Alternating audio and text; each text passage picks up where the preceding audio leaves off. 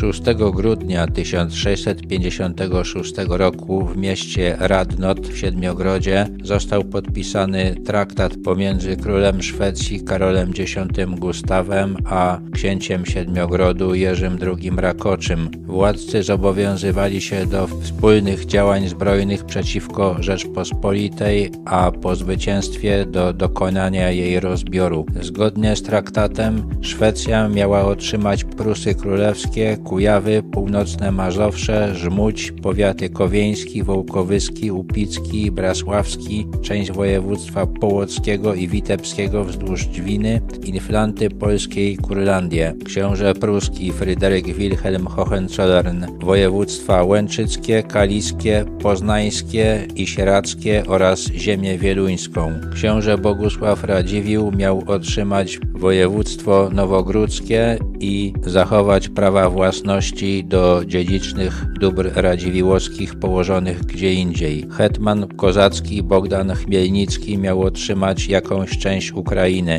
Określenie granic tego terytorium odłożono na później. Pozostałe ziemie Królestwa Polskiego miał objąć Jerzy II Rakoczy, który miał zostać królem okrojonej Polski. Karol Gustaw widział już, że swojego głównego celu, czyli detronizacji Jana Kazimierza i objęcia tronu polskiego nie osiągnie, a wobec porażek ponoszonych w walkach z wojskami koronnymi i wypowiedzenia mu wojny przez Moskwę potrzebuje sojusznika. Rakoczy miał nadzieję, że po połączeniu pod swoimi rządami Siedmiogrodu i Polski będzie w stanie podjąć wojnę z Turcją. Uzgodniony w Radnot rozbiór nie został wykonany. Wiosną 1657 roku wojnę Szwecji wypowiedziała jeszcze Dania, co zmusiło Karola Gustawa do wycofania części wojsk z Rzeczpospolitej. Rakoczy najechał Polskę, ale został rozgromiony przez wojska koronne i sprzymierzonych z Rzeczpospolitą Tatarów.